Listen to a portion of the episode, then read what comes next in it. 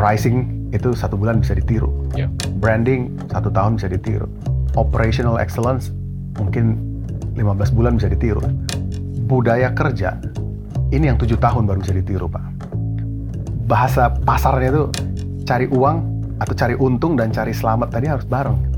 Gak bisa cari untung aja terus. Ya. Inilah Endgame.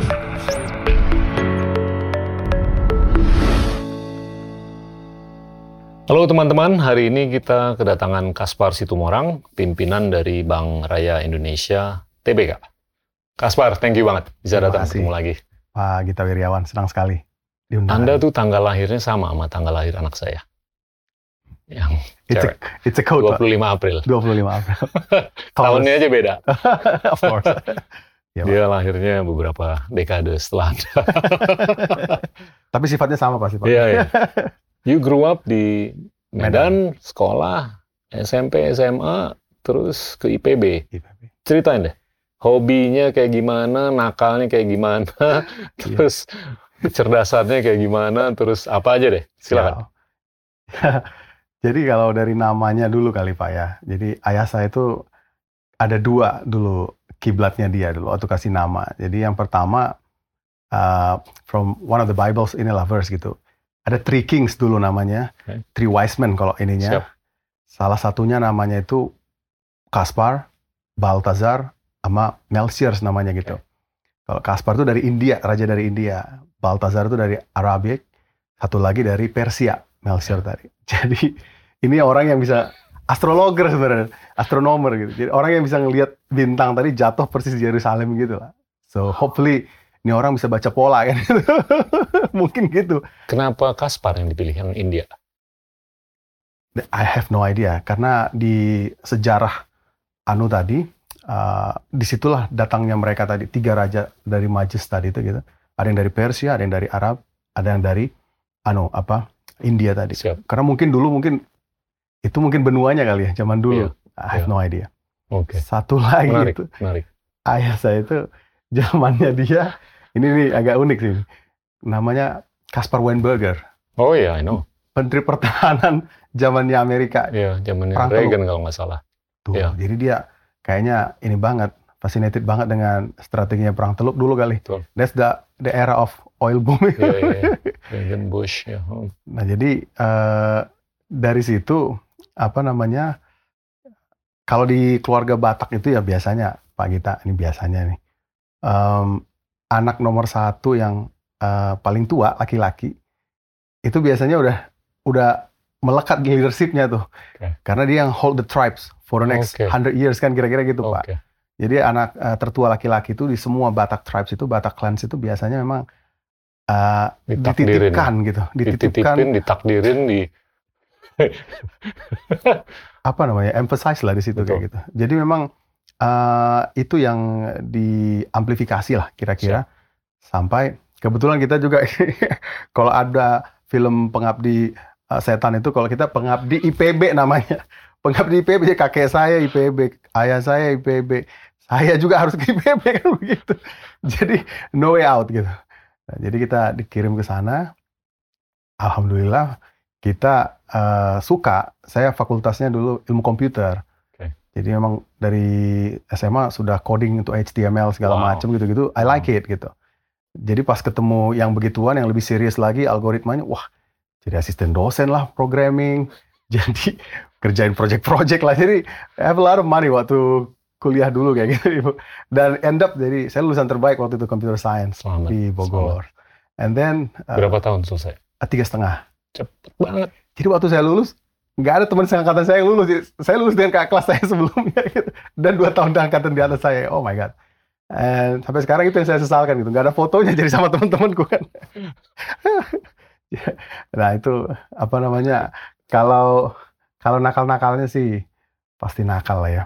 Namanya apa namanya eh, Penting tuh, merantau kan gitu ya. Pasti pengen pengen denger saya. pengen cobain semua segala macam yang pengen dicobain lah gitu. Khususnya ah, ini juga kayaknya dari dulu udah udah punya bakat memang untuk muter-muterin duit gitu loh, Pak. Ah. Eh, kena- Dari SMA dari dari dari atau kuliah dari itu Kuliah, oke. sudah mulai kita uh, biasanya Pak kalau di Bogor itu banyak anak-anak yang kurang beruntung gitu Pak. Jadi dari apa namanya Tapanuli dari daerah. dari daerah. Jadi kita member di himpunan mahasiswa Batak misalnya begitu. Nah ini biasanya pinter-pinter, tapi apa namanya kosofannya nggak ku- nggak cukup gitu pak biasanya. Nah ini karena saya banyak project uh, disuplai juga dari Medan, jadi saya inilah organizing money left and right lah gitu ke teman-teman ini gitu. Oke. Jadi that's where I learn how to learn treasury lah kira-kira. Pay later. Pay later. Jadi banyak pengabdi pay later zaman dulu juga pak. Sekarang-sekarang aja lagi tren Itu tahun 2000-an ya? 2006 saya lulus. Nah, saya lulusan terbaik 2006 ilmu komputer. Terus dulu dana yang dikelola berapa dulu dalam perhimpunan ini? Yang pasti saya ingat itu Pak 2006 itu karena saya harus ke Jakarta kan ya. End up itu working sana. Saya write off sekitar 4-5 juta lah itu. I said, you guys, we will meet again another 10 years. I will collect Ditagih. dues Plus bunga. plus. Fee. Dan ternyata bener Pak, ada teman kita yang di salah satu regulator juga kerjanya di situ sekarang. Jadi. Jadi dia Oh, udah. ketemu Pak pas saya lagi apa namanya Tagih. fast forward Kali lima. dia bilang ah lu masih perlu apa tapi itu entry pointnya pak kira-kira begitu Keren. so Keren.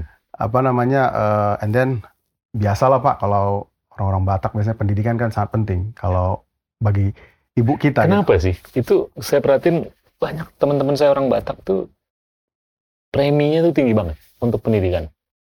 karena memang kita itu percaya kayaknya ya pak diajarkan begitu dari bahla gitu Siap. gak ada lagi yang bisa menyelamatkan umat manusia ini selain pendidikannya gitu Iya. selain knowledge-nya tadi gitu jadi orang itu percaya kayaknya kompetensi itu kan tiga ya knowledge attitude sama skill kan gitu Siap. Knowledge itu pengetahuan nggak cukup kalau cuma tahu doang kan gitu tapi harus punya keterampilan juga gitu Iya. dan yang paling penting itu adalah attitude-nya tadi Hmm. bekerja tuntas tadi nah itu yang bisa saya rasa didapatkan dari pendidikan-pendidikan tadi itu gitu. Iya. mau formal informal tapi kebanyakan ya kita pengabdi pendidikan jadinya begitu Bisa sampai mem- membudaya banget tuh gimana? jadi kayak Kalau- Mungkin saya mikirnya tuh kalau kita lihat orang Korea lah ya, Ya. atau orang India lah. Itu peer pressure-nya tinggi banget antara orang tua. benar Iya kan? Wah, si ini dapat 98. Oh, gua anak gua 99. iya Terus yang dapat 97, orang tuanya malu tuh. malu Iya kan? Iya. Itu saya perhatiin kental banget tuh. kental banget pak kalau itu pak karena adat istiadat kita itu memang budaya kan biasanya Sabtu Minggu pesta itu pak Hmm. Di pesta Sabtu Minggu Oke. itulah pak Bercerita. peer pressure tadi pak aduh putra Oke. saya sudah di MIT aduh Oke. putra saya sudah di Jerman aduh putra saya sudah di California Oke. wah panas dong pak masa pak kita nggak panas Pulang push up. pulang pulang langsung anak-anak di, dirapin tuh pak how about your homework udah Iya. beres belum Bener. bagaimana persiapan untuk ini persiapan. Jadi adat istiadat Menarik. tadi itu yang men- Menarik. menciptakan kalau sekarang Peter Drucker Iya. pernah bilang Pak apa namanya culture it strategi kan Pak for Iya. breakfast katanya. Jadi saya bilang budaya itu sekarang udah harus jadi corporate strategy kan gitu. Nah, saya bilang budaya adat istiadat tadi itu yang menciptakan peer pressure tadi itu ada plus minusnya, tapi saya lihat lebih banyak plusnya mungkin ya eh, untuk life cycle inilah siklusnya ini gitu. Nah itu yang ngedorong populasi Sumatera Utara itu Hmm. Menjadi sangat-sangat concern gitu. Siap. Apa pun digadaikan kayak gitu untuk pendidikan tadi gitu. Tapi orang Thailand, Korea juga gitu tuh. Sama ya Pak. Untuk kepentingan pokoknya gue pengen anak gue jadi ya lulus di sekolah ini deh atau jadi juara golf atau juara tenis atau apa. Benar. Sampai rumah digadain. Iya Pak. So, apa namanya? eh, memang peer pressure tadi itu menarik gitu. Makanya abis lulus S1 tuh udah kerja, push lagi kan dia. Next S2 dong. Iya. keluar negeri dong. Ya. Terus lagi terpaksa Pak kita ya awalnya jadi terpaksa tapi jadi jadi ini kan ya jadi karena kita juga itu tadi you are firstborn uh, guys in your family you hold the tribes kita yang bawa bendera Pak jadi ya harus didengerin Pak. Siap. Sekolah lagi Pak S2 lagi. Langsung ke Jerman. Eh, sekitar Sempat kerja dulu nggak kerja dulu saya Oke. Uh, udah habis lulus saya ke Jepang Pak di Oke. grupnya Ajinomoto. Oke, oke. Nah, situ. Ajinomoto. Saya saya information uh, manajernya di sana begitu untuk implementasiin dulu uh, apa uh, enterprise resource planning gitu lah Yap. softwarenya itu ke Indonesia, ke Vietnam, Thailand. Nah itu keliling-keliling saya pak di Southeast Asia, ke Jepang, Oke. ke Cina itu. That's when we see the whole globalization sini gitu. Oke, Nah itu makanya yang bikin naluri untuk sekolah ke luar negeri tadi itu Keren, pengen coba lah. keren. Alhamdulillah kasih jalan gitu ke Jerman lah waktu itu. Ya. Lulus di Jerman, kerja di Jerman, Ngambil? uh, computer science lagi. Pokoknya engineer tuh saat itu masih engineering pak, masih engineering. Waktu itu Anda tahu nggak sih bahwa masa depan tuh bagus banget untuk orang yang belajar computer science? Jadi sebenarnya karena uh, kita hobi Hmm. dari HTML itu pak dulu zaman dulu lah, Ya. zaman SMA itu ya karena sudah sudah senang ya kalau sudah senang kan gampang nge- nge- mengerjakannya. Kalau untuk for future belum ada waktu itu, sama sekali belum digitalisasi apa gitu tuh nggak ngerti. Karena masih work and hobby aja begitu. Iya. Cuman karena emang passion, we do it the best lah for everybody kayak gitu. Baru mengerti seperti kayak gituan pas sekolah di Jerman. Jadi saya senang ikut yang kompetisi startup-startup situ pak. Iya. Wah gila saya bilang wah kok maju banget nih ininya gitu. Itu round about 20 2012 lah kayak gitu-gitu Oke. tuh. And then sambil ngejar pursuing uh, engineeringnya sambil ikut juga. Saya juara tiga waktu itu. Jadi saya juara tiga bikin ini pak ini, pak Gita. Apa namanya kalau di Jerman itu kan kita ngedaur ulang bottles itu kan dibayar pak ya. Di, kalau di sini kan enggak gitu. Kalau kita ada mesinnya kan itu di di supermarket supermarket. Nah saya lihat orang Jerman ini konsumsi bir gede Oke. banget pak per tahun pak. So, Sekian to- juta ton apa Iya, iya. liter gitu pak. Terus banyak sisanya pak. Iya. Nah ini kalau di recycle kan jadi etanol nih segala macam nih. Nah itu kita bikin konsepnya, kita bikin prototipenya, masukin alkoholnya tadi, and then they got some fees lah kayak gitu. Oke, jadi yang didaur ulang isi, Isinya, bukan botolnya ya? jadi banyak sekali alkohol-alkohol Oke, yang enggak orang Jerman itu saking murahnya, lebih murah alkohol daripada bir daripada air, Iya, pak. betul. Jadi mereka apa beli beli beli beli, kadang-kadang di gudang itu nggak diminum pak, saking Iya. banyaknya gitu. Iya. Nah itu yang di recycle kayak gitu. Nah kita kita juara tiga waktu itu di Wow. Jerman. Wow. Nah, di situlah kombinasi computer science tadi dengan Entrepreneurship. business, entrepreneurship, Ya. product management, sales and marketing tadi gitu. Ya. Nah itu yang ngebuka mungkin sel-sel otak tadi kayak gitu. Keren, And then keren. uh, fast forward eh, kerja di RWE itu uh, Inno- Innogy namanya, Ya. Renewable energy company-nya uh, uh, Jerman begitu. Uh, mereka punya pembangkit-pembangkit listrik ada di North Sea macam-macam gitu. Saya information manajernya di sana Hmm. gitu. Nah tapi kepikiran terus itu Ya. yang entrepreneurship tadi itu gitu masih masih masih ada di situ selnya masih hidup gitu. Nah dapat offer lah ke, ke saya begitu. Ada dari satu perusahaan begitu eh, apa namanya? Ini menarik nih menurut saya nih. Google mereka bikin Google Ventures karena mereka mau the next billion customers begitu Siap. Pak. Nah, the next billion customers itu is always their avenue kan. Sekarang dia customernya udah 4,3 billion users dari 7,7 juta populasi. Jadi dulu mereka Miliar. cari 7,7 miliar. Ya. Hmm. always cari the next billion users tadi Pak Gita. Nah, gimana caranya? Sebenarnya paling gampangnya mereka beli telco aja, mereka Hmm. dapat semua tuh langsung. Cuman nggak boleh kan dari beberapa negara. So they build lah sentinels-nya in a form of startups kayak gitu. Yeah. What technology that they use? Itulah namanya zero rating tadi.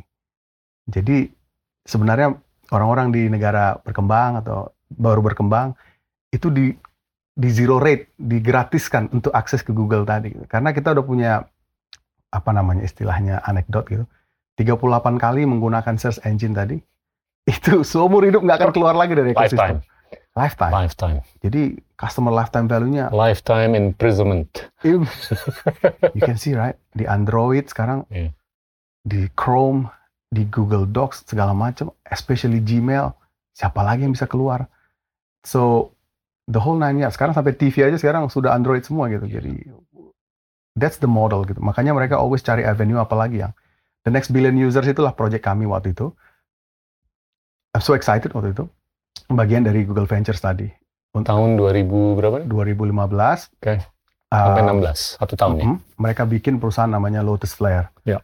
Nah, di Silicon Valley, so we apa ekspor lah itu teknologi ke telco-telco lah gitu. Mau di Latin America, mau di Southeast Asia, Indonesia, tanamlah itu kayak gitu. Hmm. Supaya the next billion users tadi masuk ke dalam pipeline. So framework-framework Gila. kayak gitu-gitu tuh makin nempel kan gitu. Wih gila juga Menarik. ya. That's how we solve real problems dengan real solutions Hmm. in a scale uh, methods kan kayak gitu Hmm. Pak. Nah baru setelah itu, nah ini lucunya itu ketemu dengan uh, pakar-pakar di Indonesia juga. Ada mentor saya Pak Sunarso, Pak Indra Utoyo begitu. Kebetulan BRI waktu itu grup pengen anu uh, transformasi digital Ya. bankingnya. Kita uh, diajak dan Ketemu di sini atau di? di Indonesia Oke. melalui Friends of Friends kayak gitu. Ya. lewat jaringan venture capital juga sih. Ya. Akhirnya bergabunglah dengan uh, Pak Sunarso, dengan Siap. Pak Indra Utoyo. Gitu. Jadi sampai sekarang kira-kira begitulah yang ditugaskan lah ini jadi Tapi awalnya di BRI dulu kan? ya? BRI. Saya Hmm. kepala divisi dulu di sana Iya. to uh, help them, um, to help Pak Indra Utoyo, Pak Sunarso untuk uh, bikinin segala macam digitalnya tadi, mulai dari landing yang tadinya dua minggu, tinggal dua hari, sekarang tinggal dua menit kan, tinggal scan wajah, scan KTP, tanda tangan digital, cair duitnya. Keren. Nggak ada lagi kantor, nggak ada tanda tangan basah, nggak ada tatap muka lagi. Ya. Open API yang tadinya bukain virtual account misalnya kurang lebih 3-4 bulan gitu per customer, sekarang tinggal beberapa jam gitu. Nah hal-hal seperti inilah yang apa namanya, saya bilang itu unlocking collective genius tadi sebenarnya. We've already have it in Indonesia, but we need um, apa namanya sosok transformatif leader tadi kayak Pak Sunarso, Pak Indra Utoyo tadi. Tapi itu Help. itu mencerminkan keterbukaan kan seorang pemimpin, Yes sir, iya kan? Untuk melihat keluar, betul Pak. iya kan? Kalau di BUMN kan kebanyakan homegrown. Iya. Nah itu gimana tuh? Cerita sedikit mengenai kulturnya itu gimana? Waktu Anda masuk, Nah ini menarik Dan- saya. adaptasinya gimana? Yang lebih adaptasi Anda atau mereka? saya dong. Hmm. Jadi yang menarik Pak kita, saya lihat eh, ini garis tangan kayaknya memang. Siap. Mystery of life saya bilang. Jadi kalau tadi mungkin saya dari sekolah misalnya Berkeley misalnya begitu, Hmm. masuk ke ekosistem kayak gitu, mungkin susah anunya, anu apa namanya eh, kolaborasi sinerginya gitu. Hmm. Tapi karena kita Institut Perbankan Bogor tadi begitu, apa namanya University Emang- IPB emang- sekarang emang namanya. banyak ya bangkir-bangkir lulusan IPB. Jadi Pak, uh, FYI gitu, uh, round about round about 38% to 40% itu of uh, Wih. BOD minus one itu coming from there. Uh, sales sales pinca-pinca kita itu Well done. round about 35% gitu. Well done. So so I'm blessed kayak gitu. Makanya uh, Kalau kampus yang lain berapa ada porsi? juga sih. Persentasenya? Ada ada. UI gitu, ITB berapa? Less than that. Iya. I'm not trying to ini, tapi tapi aku- saya juga nggak ngerti gitu kenapa uh, lulusan institut uh, University IPB ini ke sana semua ke banking semua jatuhnya. Tapi well, it's blessing in disguise lah. Iya, iya. Nah itu yang saya lihat uh, entry pointnya. Dan kebetulan kakek saya juga dulu di BRI gitu. Jadi banyak sekali ininya entanglementnya gitu. Pada saat masuk itu jadi a lot of supporters lah yang bantu juga dan alhamdulillah uh, fast forward gitu. uh, Pak Sunarso, Pak Indra Utoyo emang udah visioner semua nih. Hmm. Pada mau bangun bank digital. Tahun 2017 itu udah mau bangun bank digital. Cuman people, process, technology, and data belum structured saat itu. Masih unstructured di mana-mana gitu. Nah itu yang kita bantu dengan teman-teman, kolaborasi. Jadilah itu barang.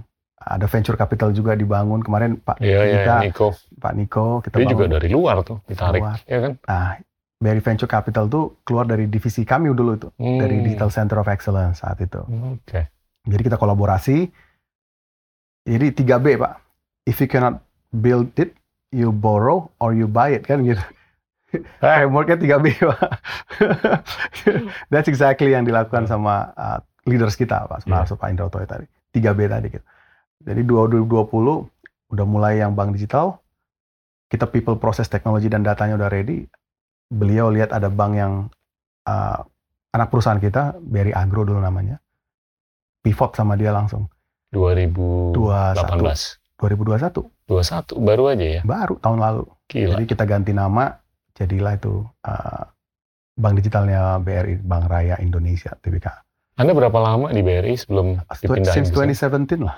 Jadi empat tahun. 2017, iya. Wow. Very fast pace ini. Iya. Memang cepet banget. Jadi under the leadership of beliau, memang fast pace banget. Iya. Jadi uh, yang menariknya itu Tapi itu nggak nggak nggak nggak nggak disadari oleh banyak orang bahwa BUMN tuh bisa seagil itu. Iya kan? mungkin ya. Kita kan mikirnya kan kalau BUMN tuh sangat statis. Ya. Ini kayaknya cepet banget mengpivot, ngikutin zaman dan antisipatif visioner pula. Luar biasa sih. Hmm. Uh, Kita aja yang ngerjakannya juga nggak sadar gitu. Iya. Kecepatannya tinggi banget ternyata di align sama uh, para senior leaders, transformation leaders saya bilang lah. Kalau kita ini pekerjaannya saja pak, You, eksekutornya. aja. you started on a clean slate atau We started not of course. Hmm. It's a it has some aset kan Pak di dalamnya. Nah, itu yang kita pas kita masuk kita moratorium nggak ada lagi kredit yang yang agriculture tadi, yang korporasi tadi, sawit tadi. Jadi sebenarnya ini transformasi dari bank sawit ke bank digital lah gitu. Oke. Tapi bank sawitnya di moratorium, kita revamp aset-aset yang lama. And then 2022 udah bisa kita eh, apa namanya? bersih-bersih 2021, 2022 udah bisa lari kayak gitu. karyawannya gimana tuh? Eh, nggak ada yang kita keluarin gitu. Em, sangat kecil juga memang eh, pegawai. Oh dari awal emang nggak kecil. nggak terlalu banyak. nggak terlalu banyak. Berapa Hanya karyawannya waktu? 800-an Oke. plus lah. Gitu. Jadi sangat-sangat apa namanya eh, asik lah untuk di amplifikasi gitu. Sekarang udah berapa karyawan? 800-an Oh tetap. tetap. J- 800-an. Jadi yang dari dulu tuh sampai sekarang di maintain. Jadi ada yang di maintain, ada yang mereka eh, pasca di pivot tadi mereka mengundurkan diri gitu. Oke. Karena udah mungkin udah beda kan. Tapi nggak gampang loh mengubah Absolutely. sistem yang udah pre-existing, orang yang udah pre-existing. Gimana tuh caranya? Well, transformasi lah ya, Oh. kata kuncinya. Jadi kalau objek transformasinya jelas, ada transformational leaders-nya, ada buy-ins-nya, sama bikin sistem pak, sistem Oke. baru lah ya. Nah, people, process, teknologi, data tadi kita dipinjamkan sama BRI tadi kan, yang sudah kita bangun. Tiga setengah tahun di sana tadi. Ada beberapa orang dipindahkan, termasuk saya kan gitu. Kan saya Betul, ditaruh, ditugaskan di Betul. sini kira-kira gitu. Yang yang di parachute ke sini berapa orang dari pusat? Waktu itu ada sekitar um, hampir 60-an. Hampir 60-an. Oke, itu nolong. Exactly. Ya kan, kalau anda sendiri aja, Nggak mungkin. konyol. Nggak mungkin. Ya kan, untuk mengubah sistem yang udah lama. Iya. Cabangnya berapa? Ah, nggak. Cabang itu kita hanya 8. Oke, oke. Nggak banyak. Mirip seperti bank digital lainnya lah. Iya. Yang Cuma role-nya aja yang beda. Iya. Role-nya itu kalau tadinya ada teller segala macam, sekarang udah nggak perlu lagi kan. Iya. Sekarang buka tabungan udah tinggal scan wajah, scan KTP, tanda tangan digital, via apps aja semua gitu. Iya. Jadi cabang-cabang itu tadi kita bilang namanya community branch. Iya. They only focus for inilah apa namanya. eh, eventually nanti saya lihat sepertinya hanya untuk reach out ke komunitas, and then telemarketing, telesales gitu saya pengen tanya, itu di masa depan tuh bakal bener-bener nggak perlu sama sekali nggak sih interaksi? Perlu dong. Perlu ya? perlu. Kalau di kalau di Katulistiwa ini ya, kalau Iya. di Nusantara ini saya lihat eh, pelajarin dari modelnya very very kecuali kita hanya pengen main di Jakarta aja. Hmm, Karena ada bank digital juga mungkin yang hanya pengen main di Jakarta tok. Gitu. Iya. Kalau kita we focus on financial inclusions juga kan gitu. Because our induk um, focus on financial inclusions kayak gitu. Focus on amplifying that message. Gitu. Makanya Hmm. uh, kita juga ada di beberapa provinsi tadi kan gitu. Sehingga narasinya menurut saya i- sama Pak gitu. Jadi kalau misalnya Amerika Utara, Eropa begitu. Bank-bank di sana kan fokusnya bukan financial inclusion gitu. Iya. Untuk accelerated growth aja. Kalau di kita kan masih ada narasi financial inclusion kayak gitu. Iya. Sehingga kalau masih pakai cara-cara yang dulu mungkin agak lama kan gitu. Iya. Sehingga dengan adanya bank digital ini tadi, cara ngebukanya juga beda. Nggak perlu lagi tanda tangan basah, nggak perlu tatap Iya. muka, nggak perlu ke kantor. I think this is the one of the way to amplifikasi penyelesaian financial Tapi inclusion. human contact-nya tuh nggak perlu sama sekali ke depan atau Perlu. kalaupun perlu di mana dan gimana?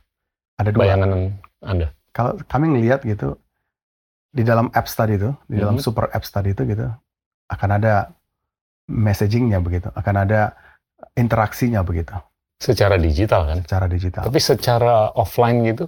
Nah, ini yang kedua. Nah, Jadi yang kedua, online to offline itu still works gitu.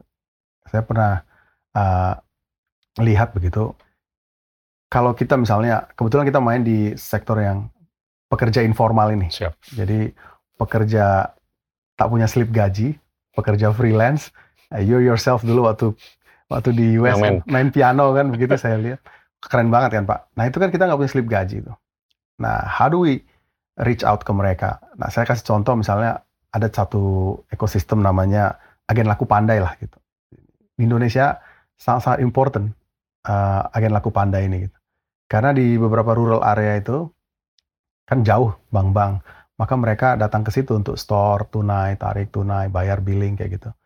Agen-agen itu bukan gajinya bukan dibayar bank, gitu, nggak ada. Mereka kerja untuk for themselves. Mereka bikin kios-kiosnya begitu, udah looks like a bank, very good. It is, it is, it is. Wow. Perputarannya itu 1.400 triliun tuh. Hanya di grup keuangan kami aja misalnya di BRI misalnya gitu. It's all cash dan nggak ada diskon, nggak ada 1.400 triliun dalam berapa lama? setahun pak tiap tahunan segitu dan naik terus naik terus itu nggak ada cashback nggak ada diskon nggak ada gimmick-gimmick aneh-aneh bakar-bakar uang nggak ada itu. Selesai. Captive. jadi luar biasa pak kami lihat nah di situ kita uh, lihat salah satu problemsnya teman-teman itu uh, likuiditas always likuiditas problems kan jadi pada saat sehari-hari duit di mejanya itu banyak sekali tapi uh, jasa keuangan kan tutup jam 3 jam 4 begitu ya tokonya dia buka 24 jam pak. Iya kan? Pada saat dia mau store udah tutup. Padahal, padahal dia butuh men-store duit yang tadi untuk naikin balance-nya dia kan? Untuk bisa terus melakukan transaksi tadi tuh yang store tunai tarik tunai withdrawal dan seterusnya. So how do we solve this gitu? Kita as a product uh, ini venture gitu kita tanya apa ininya. Ternyata sederhana aja gitu. Dana talangan aja gitu. Kita talangin aja pak. Tapi harus super cepat kan gitu gimana tadi caranya Ya, tinggal scan wajah scan KTP tanda tangan digital kita tempel lah dengan uh, aplikasi uh, salah satu Scan-nya itu semuanya di HP-nya dia. handphone semua pak Gila. semuanya smartphone semua gitu di handphonenya dia Fingerprint juga di handphone. ada tapi kita pakai biometrics Nggak ada karyawan atau agen dari Bank Raya yang datang nyamperin atau apa Nah, gitu. nggak ada Oke. Jadi eh, kita nggak ngejual jadinya konsepnya, kita mengaktifasi karena ditempel eh, API dan web view aplikasi kita di platform eh, BRI misalnya begitu. So very lean jadinya gitu. Itulah Lean banget. the real bank digital tadi. Hmm. You must have an ecosystem and you must have a problem to solve yang real kan gitu. Iya. Sehingga customer lifetime value-nya mantap gitu. Hmm. Nah itu yang kita lakukan. Jadi dia tadi susah likuiditasnya karena tutup jasa keuangan misalnya Sabtu Minggu juga tutup kan Pak. Dia butuh dana talangan tadi. Kita kasih lah dana talangan tadi. Ini mantranya itu short tenor, small ticket size, no interest gitu. Kita pakai fee aja Pak. Iya. Nggak pakai bunga begitu. 25 juta. uh, Paling uh, kecil berapa? paling kecil tuh ada yang 5 juta. 5, 5, 5, 15, 20, 25 gitu. Durasi? tujuh hari semua. Tujuh hari. Why tujuh hari kan gitu? Pertanyaannya kan, a lot of people ask me the same question. Kenapa tujuh hari gitu? Ini ini ilmunya Pak Gita Wiryawan juga, ini harus spiritual juga kan ya kadang-kadang. ya. Jadi why seven days gitu? Karena God's create the whole universe in seven days kan gitu. Di hari ke berikutnya He creates Satan kan gitu. Dan biasanya hari ke-8 itu kalau dalam kredit itu dibisikin nanti Pak sama setan. Eh ini masih ada sisa duit nih. Nggak usah pakai untuk yang itu, pakai beli apa namanya eh, TV, beli handphone dan seterusnya gitu. Nah jadi kita uji coba, kita validasi. Awalnya belum tujuh hari, awal dari 30, kemudian kita validasi mana yang paling pas. Ternyata tujuh hari lah yang pas. So less than seven months, long story short, 1,3 triliun, NPL 0,05, dan itu pun mereka masih nyicil sebenarnya agen. Sorry, berapa NPL? 0,05 persen. 0,05. Kurang dari tujuh Wow. bulan ini gitu. So, and then the thesis was becoming bright gitu. To month growth-nya berapa? Wih, gede banget. Gede. Puluhan persen? Ratusan. oh tadi yang udah captive aja 1.400 triliun yang muter kan. Ini tinggal dicolek aja kan. Betul. Di pan, dipemantik lah istilahnya Hmm. gitu, di triggers gitu. Jadi apa namanya? And then we boil down. Gila. I- Kita pakai framework growth-nya Facebook tadi gitu. Apa namanya? Sustainable growth itu equals with top line traffic times uh, magic moments lo times apa namanya? uh, product features lah ya, solving problems kayak gitu. Jadi if you product betul-betul solving their problems tadi kan dia short likuiditas tadi. Iya. We solve it. And then magic momennya less than five minutes kan ya. Done kan kayak gitu. Gila. And then top line traffic ya udah ada ekosistem yang tadi gitu. Ini dikalikan inilah sustainable growth tadi.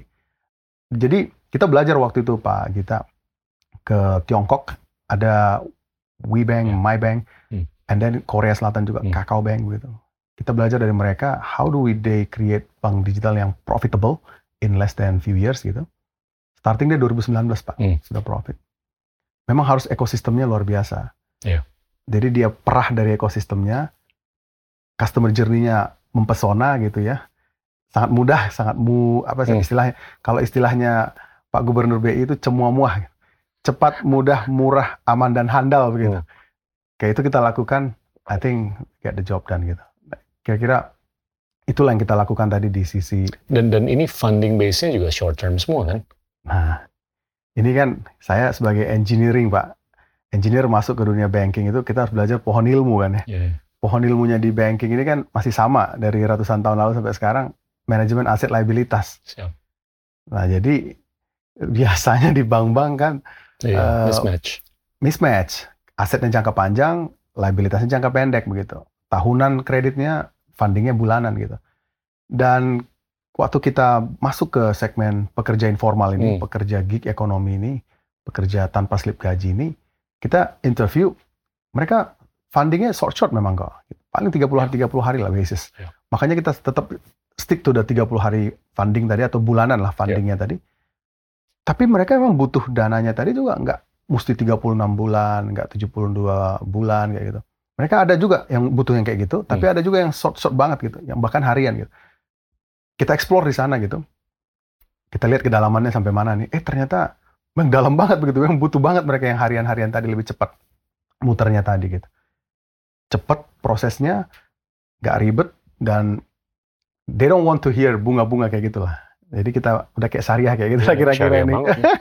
Tapi uh, apa namanya uh, fee base lah, kayak pakai fee fee kayak gitulah. Jadi cepat dan um, nggak nggak nggak ribet lah kalau saya Iya. bilang. Nah itulah dia kurang dari beberapa bulan itu ternyata growth-nya alhamdulillah bisa sampai 1,4 triliun, hampir ke 1,4 dalam triliun. tujuh bulan.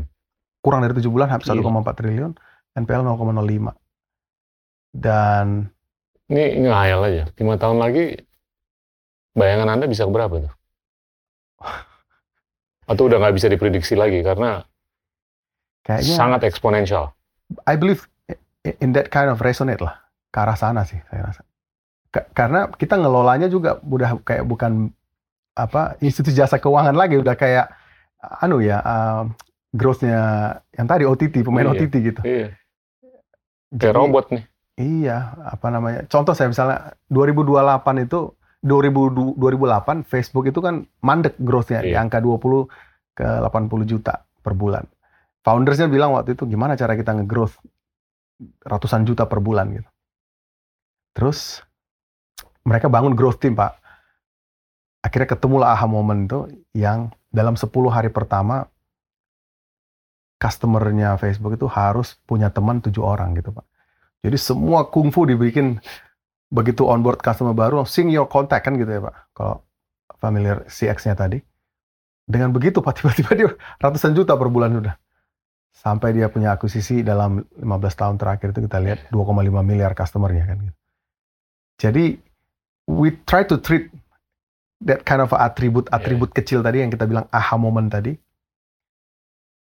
berbasis big data tadi gitu. Sehingga kita cari betul apa atribut yang bikin dia stick tadi, stickiness-nya tadi. Nah, ketemulah beberapa atribut-atribut tadi. Saya lebih saya lebih suka apa yang Anda lakukan daripada apa yang Facebook lakukan. Dengan temuan tombol Like. like, share, retweet yang hanya untuk kepentingan viralitas yang kalau menurut saya nggak nggak bagus lah untuk tatanan sosial, budaya, bahkan politik, geopolitik Ya kan? Tapi kalau Anda mengviralkan konsep ini supaya inklusi itu bisa meningkat dan bisa dipertanggungjawabkan lagi, NPL-nya 0,05 persen. Iya Pak. Ya kan? Tapi harus diantisipasi, itu pasti akan naik. Absolutely. Ya kan? Tapi selama itu bisa dijaga di bawah batas tertentu, sangat bisa dipertanggungjawabkan. Yes, sir. Ya kan? Viralitas yang diracunin atau ditularin ke lebih banyak masyarakat luas. Ya. Jadi ada yang menarik juga kami lihat Pak. Jadi memang antara inklusi keuangan Siap. dengan inklusi ekonomi. Ya, Kalau kita berdayakan lewat jalur-jalur pekerja informal ini, gitu, Ya. bisa tally dia Pak. Kelihatannya Setuju. begitu saya lihat. Setuju. Kelihatannya ya. Mungkin Setuju. nanti masa depan kita bisa lihat ke belakang. Ya. Benar nggak ini arahnya yang small ticket size ini, short tenors ini, no interest rate pakai fee aja. Dengan digitalisasi ini saya rasa we can get the job done gitu. Ini yang kami percaya itu di negara kepulauan seperti ini. ada data point nggak sih yang menunjukkan kalau dia tuh udah beberapa kali lancar terus, Of course. itu berkorelasi dengan kenaikan produktivitas dan produksi. Obviously lah Pak. Obviously. Nyata banget ya? Nyata Pak. Transaksinya naik, Iya kan? makin tinggi. Oke. Berarti kan dia makin Mestinya fee-nya dikurangin dong. Untuk absolutely. terus bisa memberikan insentif untuk dia bisa meningkatkan produksi dan produktivitas. That's what we're doing. Iya. Jadi semakin dia kita kasih benefit itu Pak, semakin dia lancar Iya. dalam 5 6 sekali dalam 30 hari itu dia bisa 5 sampai 6 kali lancar. Kita kasih benefit-benefit tadi Pak. Iya, iya. Supaya dia terus stick dan dia produktivitas semakin tinggi. We're not ini ya, we're not we're not just a banking lah. Iya. This is already a mission kayak gitu. Betul. Memberi makna Indonesia tadi kalau dalam kita punya struktur dari grup. Customer udah berapa sekarang?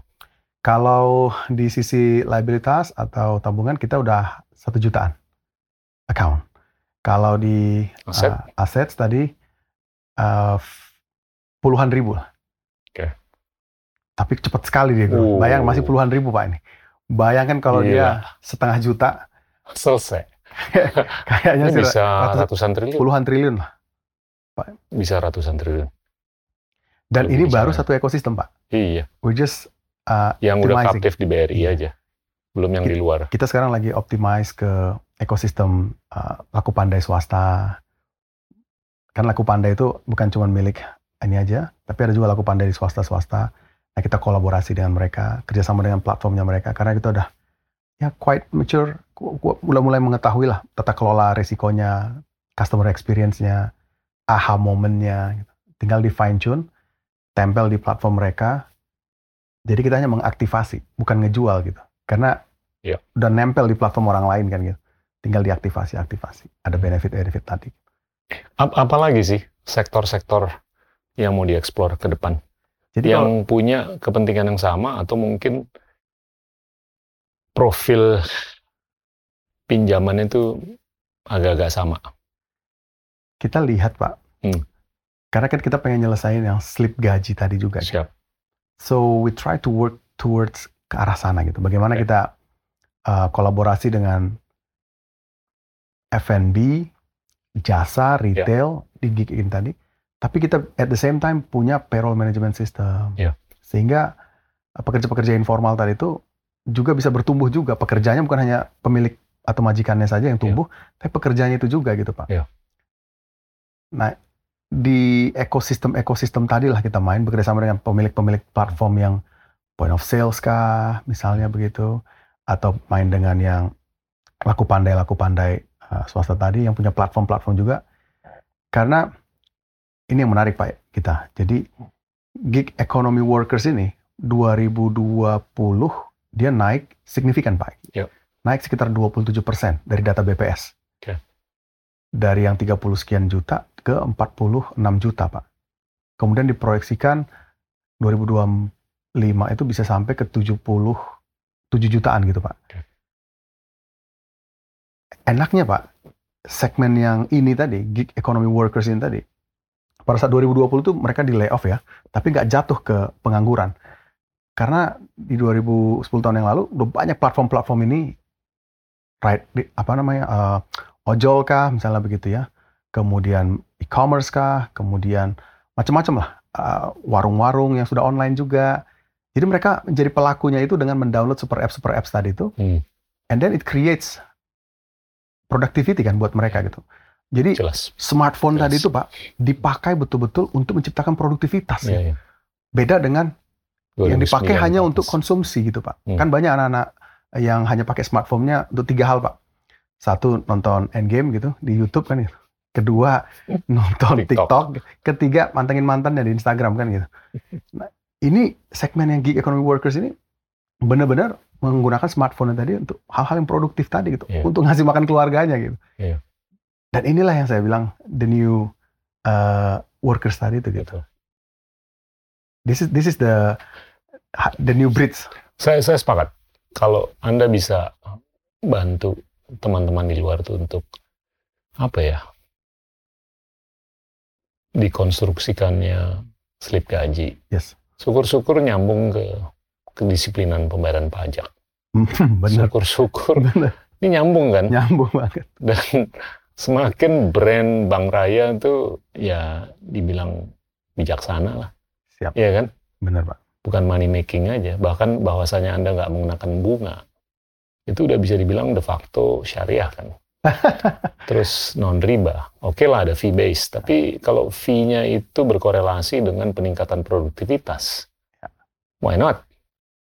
Mestinya suku bunga juga harus berkorelasi dengan peningkatan produktivitas. Semakin dia produktif, semakin diturunin tuh suku bunga. Dan lancar. Iya kan? Iya. Ya kalau konsepnya begitu sih bisa dipertanggungjawabkan Yes. jangka panjang Yes, yes. Apalagi diberdayakan untuk dia punya NPWP. Ya, pajak untuk pekerja di UMKM atau mikro UMKM juga masih rendah. Tapi at least mappingnya tuh Benar.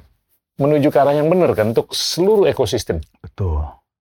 Jadi tadi itu Pak, we try to work towards life needs Hmm, si pekerja informal ini, bukan ke lifestyle-nya gitu. Para millennials gitu. Itu udah ada yang ngurusin lah kalau Betul. lifestyle gitu. Betul. Udah banyak yang ngurusin kayak gitu. Kita fokus ke life needs-nya tadi. Nah, apa life needs-nya tadi itu yang saya bilang di awal? Ini masalahnya one of the biggest threat itu di gig economy ini kalau kita terus pandang bankir gitu collaterals kan Hmm. you know lah makanya nggak ada yang ngelirik ini pak for the past few years gitu nggak ada yang ngelirik gitu Dan dari puluhan ribu nasabah ini nggak ada kan diminta kolateral. None Iya. because we using big data tadi kan Betul. kecerdasan artifisial tadi Dan bisa dipertanggungjawabkan 0,05 persen NPL. Insya Allah saya rasa ke depan dengan big data big data ini yang tadinya kita hanya ngomongin structured data aja, kita ada tambahkan beberapa unstructured unstructured tadi, prosesnya juga digitalisasi. Saya rasa sih nggak mustahil sih. Um, itu pernah saya tulis di Forbes Indonesia gitu. Why ASEAN gig economy will be the key to winning the digital Oh, bank war. Absolutely. Karena 48% Betul, populasi betul. ASEAN kan ada di sini nih Pak. So the most populated apa nama island country ya, ya ini kan gitu ya. Jadi kalau gig ekonominya kita bisa bantu Keren. ASEAN Gini loh, ini, ini kalau kita lihat 30 tahun terakhir, ASEAN itu pertumbuhan ekonominya tiga kali lipat. Siap. Sebagai ilustrasi aja dan komparasi, Tiongkok 10 kali lipat. Kita relatif underperform lah. Tapi saya justru lebih optimis ke depan. kenapa Pak?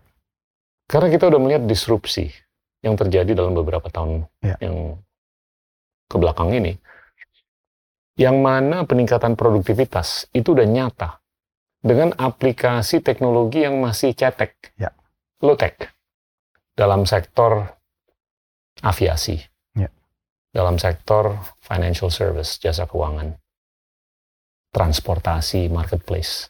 Kita udah lihat lah dengan pemberdayaan smartphones Yes, semenjak 2009. Ya kan? Begini kan? benar. Padahal ini baru low tech.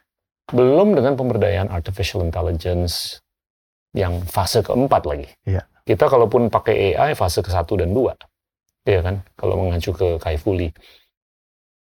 Saya ngelihat ke depan, 30 tahun ke depan, kalau kita bisa memberdayakan teknologi yang cetek Oke. Di seluruh sektor, apalagi teknologi yang nggak cetek di seluruh sektor, nggak ada alasan kita nggak bisa tumbuh lebih dari tiga kali lipat 30 tahun ke depan. Secara kolektif untuk Asia Tenggara atau ASEAN. Apalagi Indonesia, yang kalau menurut saya itu skalanya luar biasa. Benar. 45% untuk populasi, ekonomi, dan lain-lain dibanding seluruh ASEAN kan. Gila nih. Dan, dan upside yang paling besar ya, itu ada beberapa sektor. Tapi yang paling nyata tuh di jasa keuangan. Ya. Karena kalau saya lihat rasio perbankan terhadap PDB kita, itu hanya 45 persen. Yes. Tapi kalau di negara-negara maju, itu 125 sampai 250 persen. Ya, you go figure, man. Kolamnya udah ada nih. Gede banget. Gede. Lo mau milih lele, bawal, emas, gurame, mujair, atau apa? Iya kan? Tinggal Dan- serok yang mana nih Iya, dalam empang ini. betul. Dan dan ini kan kalau kita lihat data pekerja mikro UMKM itu ada 125 juta. Market sizing untuk di dunia Anda ini berapa kira-kira? Kemarin kita kerjasama dengan Iya. apa namanya salah satu university yang credible gitu. ya. Kita lihat Pak dari data poin itu dari total workforce di Indonesia itu sekitar 59% itu pekerja informal study. Jadi in nominal tuh round about 77 juta Pak Wow. Gita. Oke.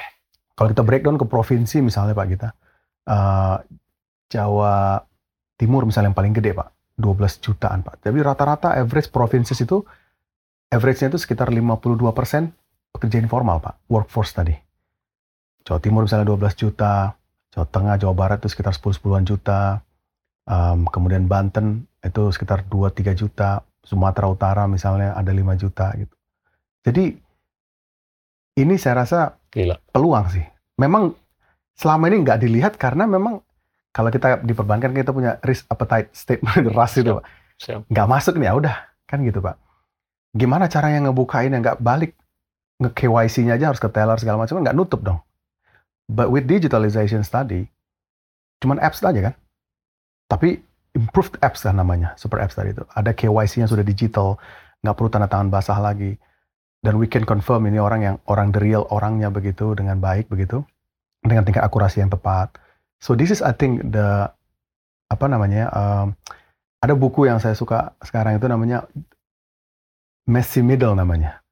Jadi si Messi middle. Messy Middle. Kita kan selalu ngomongin paling- Messi dengan Y atau I? uh, messy, Oke. messy. Jadi uh, we always talk about how do we start and how do we finish kan gitu.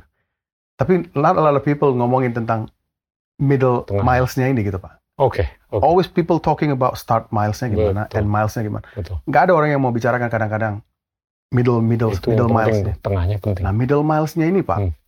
inilah yang kita bilang strategi eksekusinya, Hmm.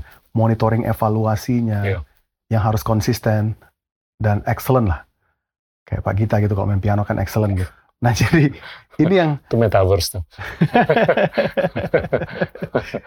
Messi middle ini yang uh, saya, saya, saya senang uh, dari beberapa tahun lalu saya uh, specializing di sana karena saya, I'm a venture builders gitu ya. I like to create things, uh, products, features using data tadi itu yang supaya kita nggak ngarang-ngarang bikin features tadi itu gitu. Messi middles ini yang banyak orang kan biasa apa namanya ada yang suka cuap-cuap aja, ada yang suka uh, apa namanya kampanye-kampanye aja. Tapi nobody wants to talk about the messy middles ini gitu. Middle milesnya saya bilang. That's, that's where the execution is. Benar Pak. Iya kan? inilah saatnya saya rasa Bikin uh, business plan sih gampang. gitu ya. Ide sih gampang. Eksekusi. right? And then we got the money. Hey, we got the money nih. How do we execute ini? Alah, kita maunya evaluasi sebesar ini aja nih. Nobody thinks about the messy Iya. middles. Nah, ini yang uh, we're trying to specializing on messy middles ini tadi.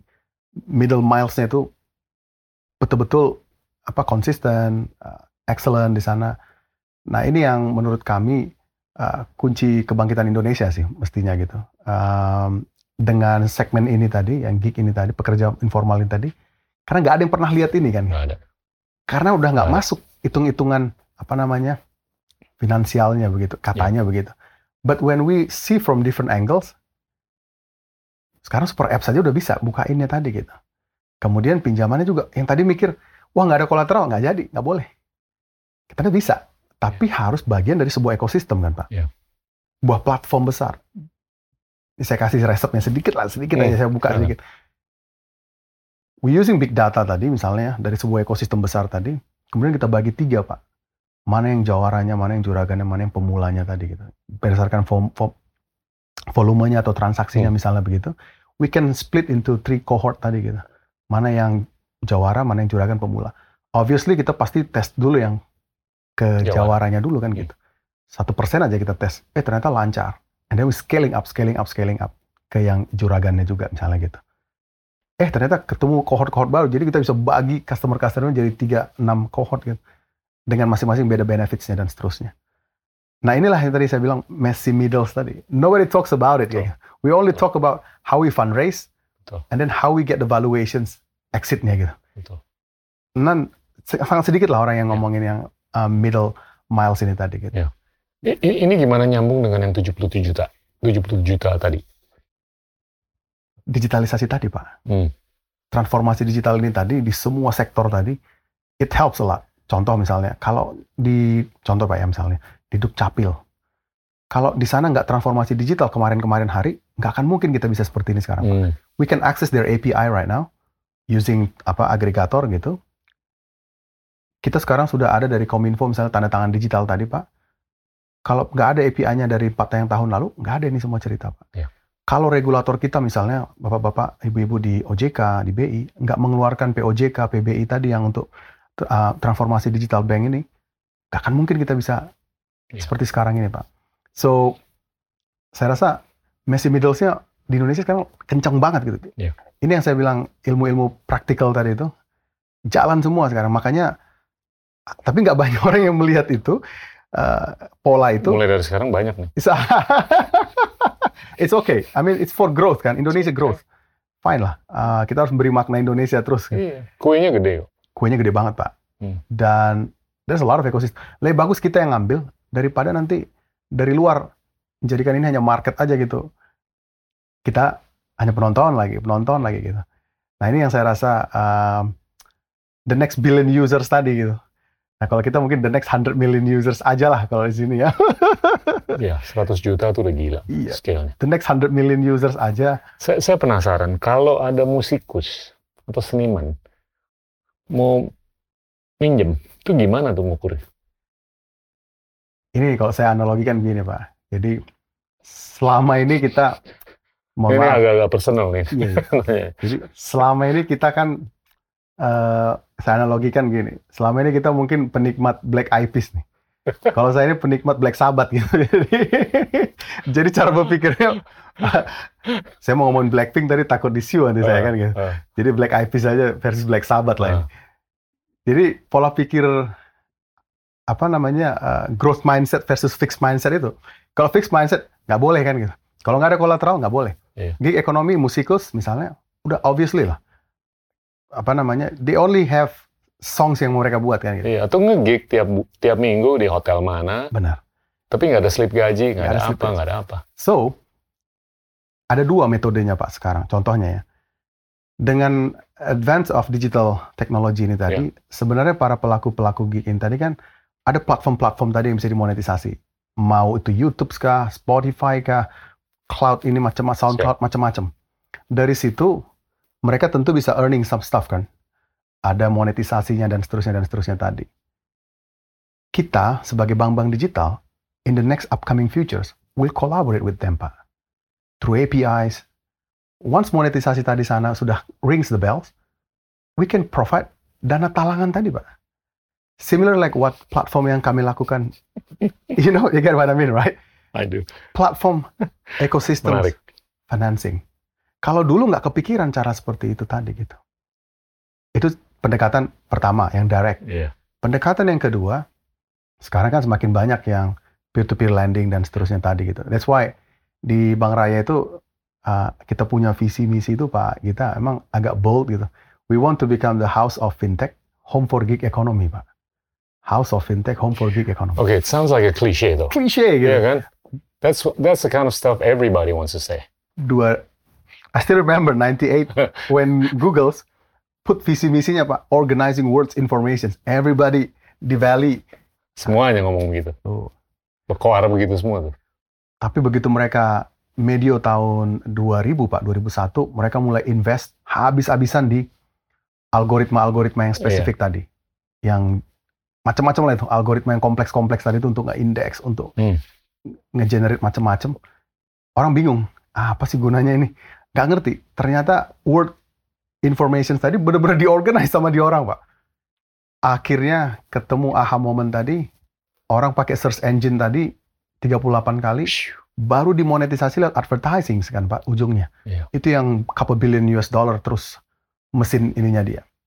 So back to our case, kelihatannya saat ini nggak mungkin gitu, kelihatannya gitu. Similar like what Google did di satu dekade lalu begitu, dua dekade lalu begitu. Tapi dengan the advance of technology yang sekarang ada Pak, saya rasa nggak ada lagi nggak mungkin Pak. Kita dulu bilang roket balik bolak-balik ke atas nggak mungkin. Kita udah lihat someone else doing it. Yeah. That's engineering kan Pak, bukan hmm. apa science. Kok science mungkin eksakta gitu. Betul. Karbon plus oksigen, karbon monoksida. Yeah. No debat, udah nggak bisa lagi di debat. Tapi kalau engineering kan ini iteratif, yeah. experimental. We try ini yang ini gagal, enggak. Yang ini try sukses. This is what we did uh, in product ventures tadi. This is what Messi Middle doing tadi gitu. We focus on middle milesnya ini tadi gitu. Betul. Nah di sini yang eksperimental tadi, building venture tadi itu uh, lot of inilah apa namanya uh, nitty gritty-nya yang harus dilakukan. Tapi kok kayak saya yakin gitu karena saya tonton di Endgame juga banyak sekali sosok-sosok yang bagus-bagus. Ada beberapa itu yang bikin lembaga pendidikan segala hmm. macam. We actually using it. Karena murah sekali sekarang pendidikan kan. Murah banget. Hanya bayar 5000 perak udah bisa belajar tentang product management, product features prioritasi segala, segala macam. Jadi kalau dulu informasi seperti ini masih sangat-sangat hanya di kepala beberapa orang. Sekarang udah didesentralisasi, udah jadi komoditas. Hanya tinggal kita mau baca pola yang mana gitu sih. I believe, I think uh, ada ada ada jalan. Ini Anda udah memberdayakan data science, ya kan? Yes, sir. Pemberdayaan artificial intelligence gimana? Untuk mengawal pertumbuhan Anda yang sangat eksponensial ke depan. Atau bahkan menopang. Yes, sir. Sebelum kita ngobrol mengenai resiko nih. Ya. ya. Kita ngomong yang bagus-bagus dulu nih. Yes. Ya. Nah ini 2017 kita masuk dulu grup BRI. Ya. Uh, kami dengan Pak Indro Toyo dulu dengan Pak Sunarso beri amanah untuk bangun big datanya BRI waktu itu Pak. And then kita carilah uh, produk ini yang tepat namanya akhirnya BRI Brain Pak. So we learn from Google Brains begitu. Index the whole world sini. we balik lagi ke sana lagi kan gitu. Ya, apa-apa. But we try to good, organize. Hmm. We go organize uh, anunya tadi, cara berpikirnya, cara bekerjanya, excellentnya. Dapatlah, jadilah Berry Brains tadi begitu. Terinspirasi dari sana, maka pas kita di Bank Raya ini, we always we also utilizing some of those uh, methodology, some of those uh, sets data kita bikin Raya Brain di tempat kita. Namanya Raya Mind. And then you utilize. Kenapa nggak pakai brain? Karena sudah brain di sana. Okay. Ini kan part of brain itu ada mind saya. Nah, kita kita kan part of brain brainnya tadi gitu. Hmm. So in Berry Brains, um, uh, kolega saya dulu di Berry Brain mengintroduce namanya uh, Berry Brain Academy, Pak. Jadi kita undang researcher-researcher di sekolah-sekolah top gitu untuk bikin paper, nganalize a lot of microfinance problems kayak gitu to solving misalnya credit scoring algo recommendation engine algo fraud detection engine algo and then uh, some of those early warning detections algo to create top notch lah yang akurasinya tinggi-tinggi false positifnya mantap-mantap lah nah dari situ riset-riset itu banyak yang kita bisa pakai reusable nah itu yang kita try to reusable di Raya Main tadi makanya bisa cepat deploy-nya tadi yang kita amplifikasi adalah maturity-nya ya Pak. Always talk about maturity kalau sudah uh, AI tadi. Karena banyak yang klaim nanti AI, kita udah pakai AI. Tapi pada saat di index atau pada saat di maturity-nya, ternyata masih ada gaps-nya gitu. Nah, when we talk about maturity uh, AI tadi, kecerdasan artificial tadi, saya rasa uh, ada beberapa perusahaan yang sudah sangat mature di Indonesia, ada yang masih menengah, ada yang masih pemula begitu. Nah, di sini sebenarnya PR-nya kita gitu, untuk sama-sama kalau di perbankan, saya uh, lihat ada ada peluang kita bisa naik pak kelas. Karena sebenarnya di bank itu data semua ya Pak. Betul. Kayak Google setiap hari orang kita juga setiap hari ada data gitu. Iya. Nah itu yang harus di Dan AI itu semakin kaya hanya bisa semakin kaya kalau datanya semakin banyak. tapi jangan tergantung 100% apa 1000% dengan itu juga. Harus Betul. ada juga. Kalau punya perasaan doang nggak cocok, nggak cocok. Data doang nggak klop ya. Iya. Nah digabungin nih Pak, Betul. data dengan perasaan tadi, muncullah dia tadi apa namanya aha moment tadi saya Hmm. bilang. Nah kita sebenarnya cari aha moment aha moment itu sih. Setiap fitur ini apa aha momennya, setiap produk ini apa aha momennya. So that's the the angles of our goal sih. Sehingga kita pragmatis juga sih ngerjain kecerdasan artificial di grup ini. Always have a north star-nya gitu. Iya. Sehingga small wins small wins tadi itu ngebentuk goal wins yang besar. 2019 percaya nggak percaya itu uh, Bank BRI waktu itu menang BRI Brain-nya itu Global Data Impact Awards pak di New York worldwide gitu saingannya bank-bank banyak telco besar banyak banyak kita satu-satunya yang menang gitu di apa namanya Asia Pasifik ini 2019 gitu jadi talent-talentnya luar biasa begitu. Kita BRI dengan resources yang luar biasa besar mengirimkan anak-anak ini ke MIT ke Harvard. Keren-keren lah pak. Makanya um, uh, Pak Narso yang luar biasa dengan Pak Indra Toyo Hmm. pada saat kita bangun Bank Raya kan talent sudah ada feature sudah ada diamplifikasi ketemu dengan itu tadi. Iya. pas kita pilih yang gig ekonomi ini 2019 kita udah dengar cerita gig ekonomi di US Jepang Eropa gitu but the real problem gak punya kolateral kan how do we solve this kan Kalau- kalau nggak punya data point tadi, nggak punya big data tadi, nggak punya cara-cara model tadi gitu, nggak akan mungkin bisa menyelesaikan ini gitu. Dan makanya banyak bank-bank yang nggak mau masuk juga ke sini gitu, karena Karena nggak mungkin mudah. terjebak dengan paradigma lama.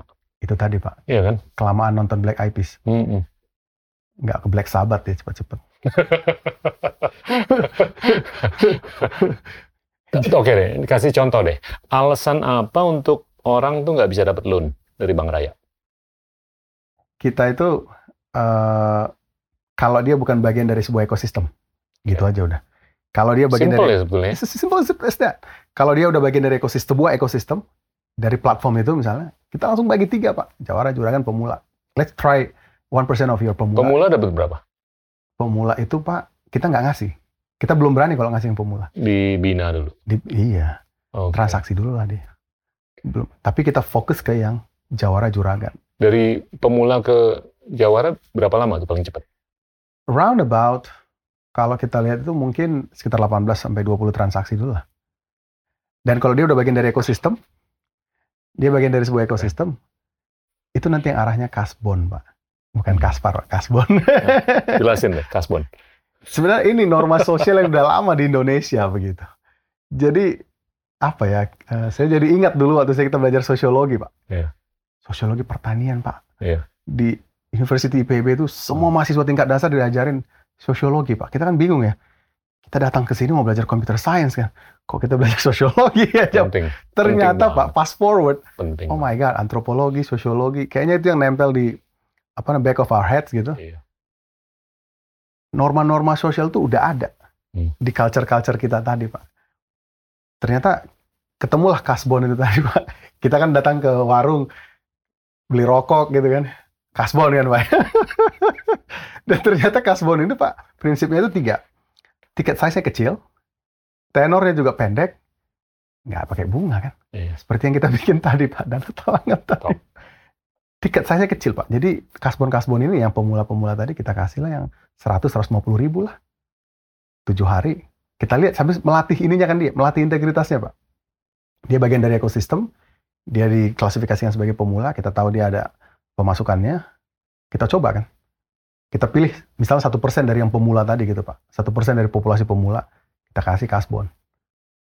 Ini dalam satu dua tahun terakhir ini, in hindsight ya, anything you would have done differently?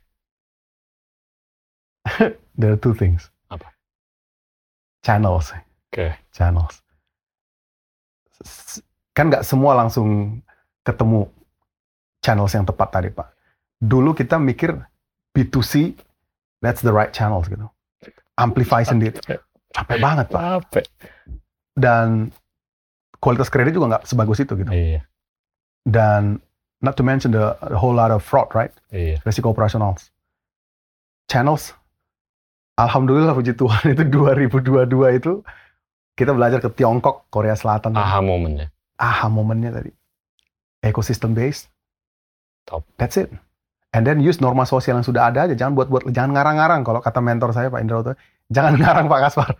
You should use the framework that already existed. Betul. Why reinvent the wheel? Betul Pak. Jadi nomor satu Kopi aja, jiplak aja kalau udah jalan. ATM Pak. Iya. Amati, tiru, murahkan. Iya. Atau amati, tiru, mahalkan kan. Iya. Murahin. Ngapain dimahalin? Misalnya kayak gitu. Karena kita bisa ngakuisisi yang segede gaban itu. Iya. Kemudian yang kedua Pak, growth mindset in a scale up. Siap. Jadi di industri perbankan Pak Gita, saya berkali-kali lihat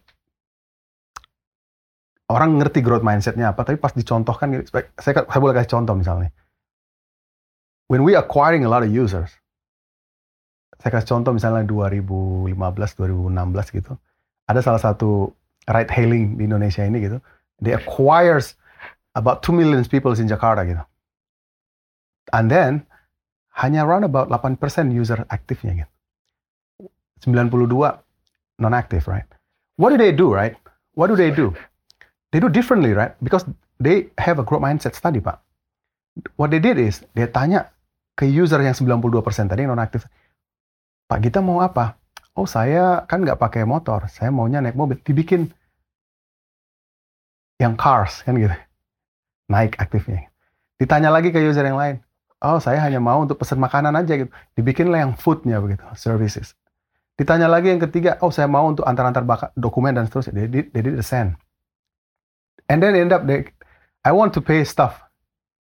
Dibikinlah yang pay gitu. You already interview one of them di Endgame seri sebelumnya. Ya, tersebut. Right, right.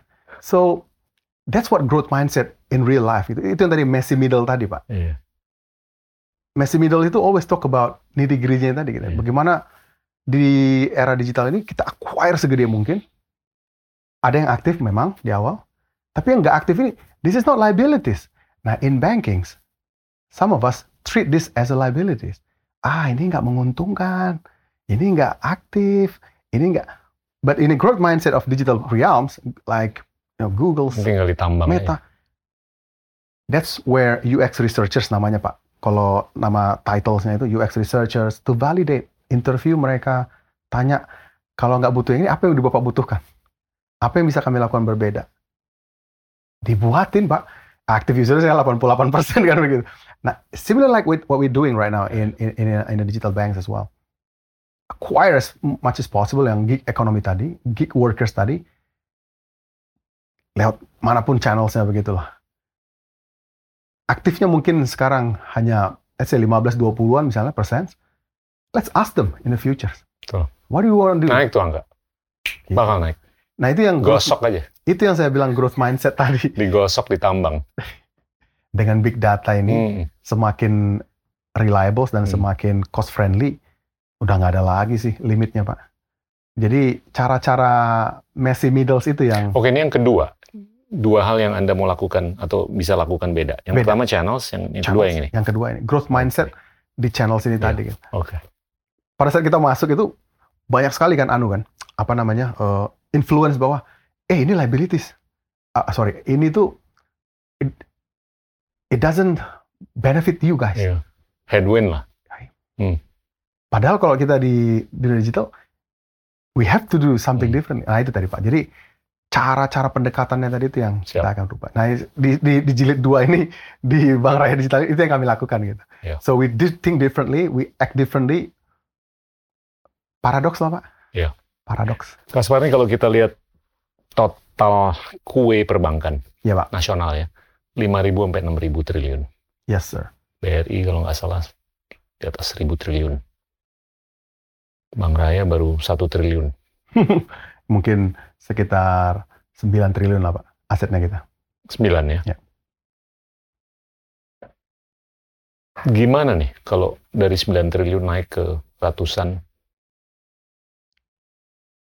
Concern apa yang harus disikapi? Yang yang obvious kan cyber, Yes. ya kan? Dua, talent, human capital. Tiga, ya yang natural kompetisi kan. Ya. Talk about those sebelum kita ngobrol yang lain. Jadi kalau saya melihatnya gitu, ada di perbankan itu kan ada 8 resiko itu Pak. I prefer yang resiko strategik ini sih Pak. Yang tadi, yang the last one that you mentioned. Kompetisi gitu.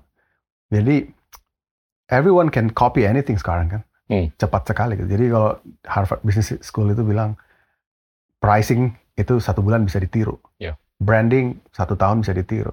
Operational excellence mungkin 15 bulan bisa ditiru. Budaya kerja ini yang tujuh tahun baru bisa ditiru pak. So mentor-mentor kita, senior leaders kita di grup itu yang selalu diamplifikasi ke kita bahwa build budaya kerja tadi itu bagian dari corporate strateginya kita. Ya. Maka itu yang betul-betul kami bangun. Hmm. Kultur apa kan budaya kerja apa ini? Ini yang performance based driven tadi itu bahasa pasarnya itu cari uang atau cari untung dan cari selamat tadi harus bareng. Gak bisa cari untung aja terus. Nanti kita kayak yang gitu-gitu gitu. Tapi cari selamatnya juga harus bareng gitu. Itu tadi sadar resiko tadi itu gitu. Ya.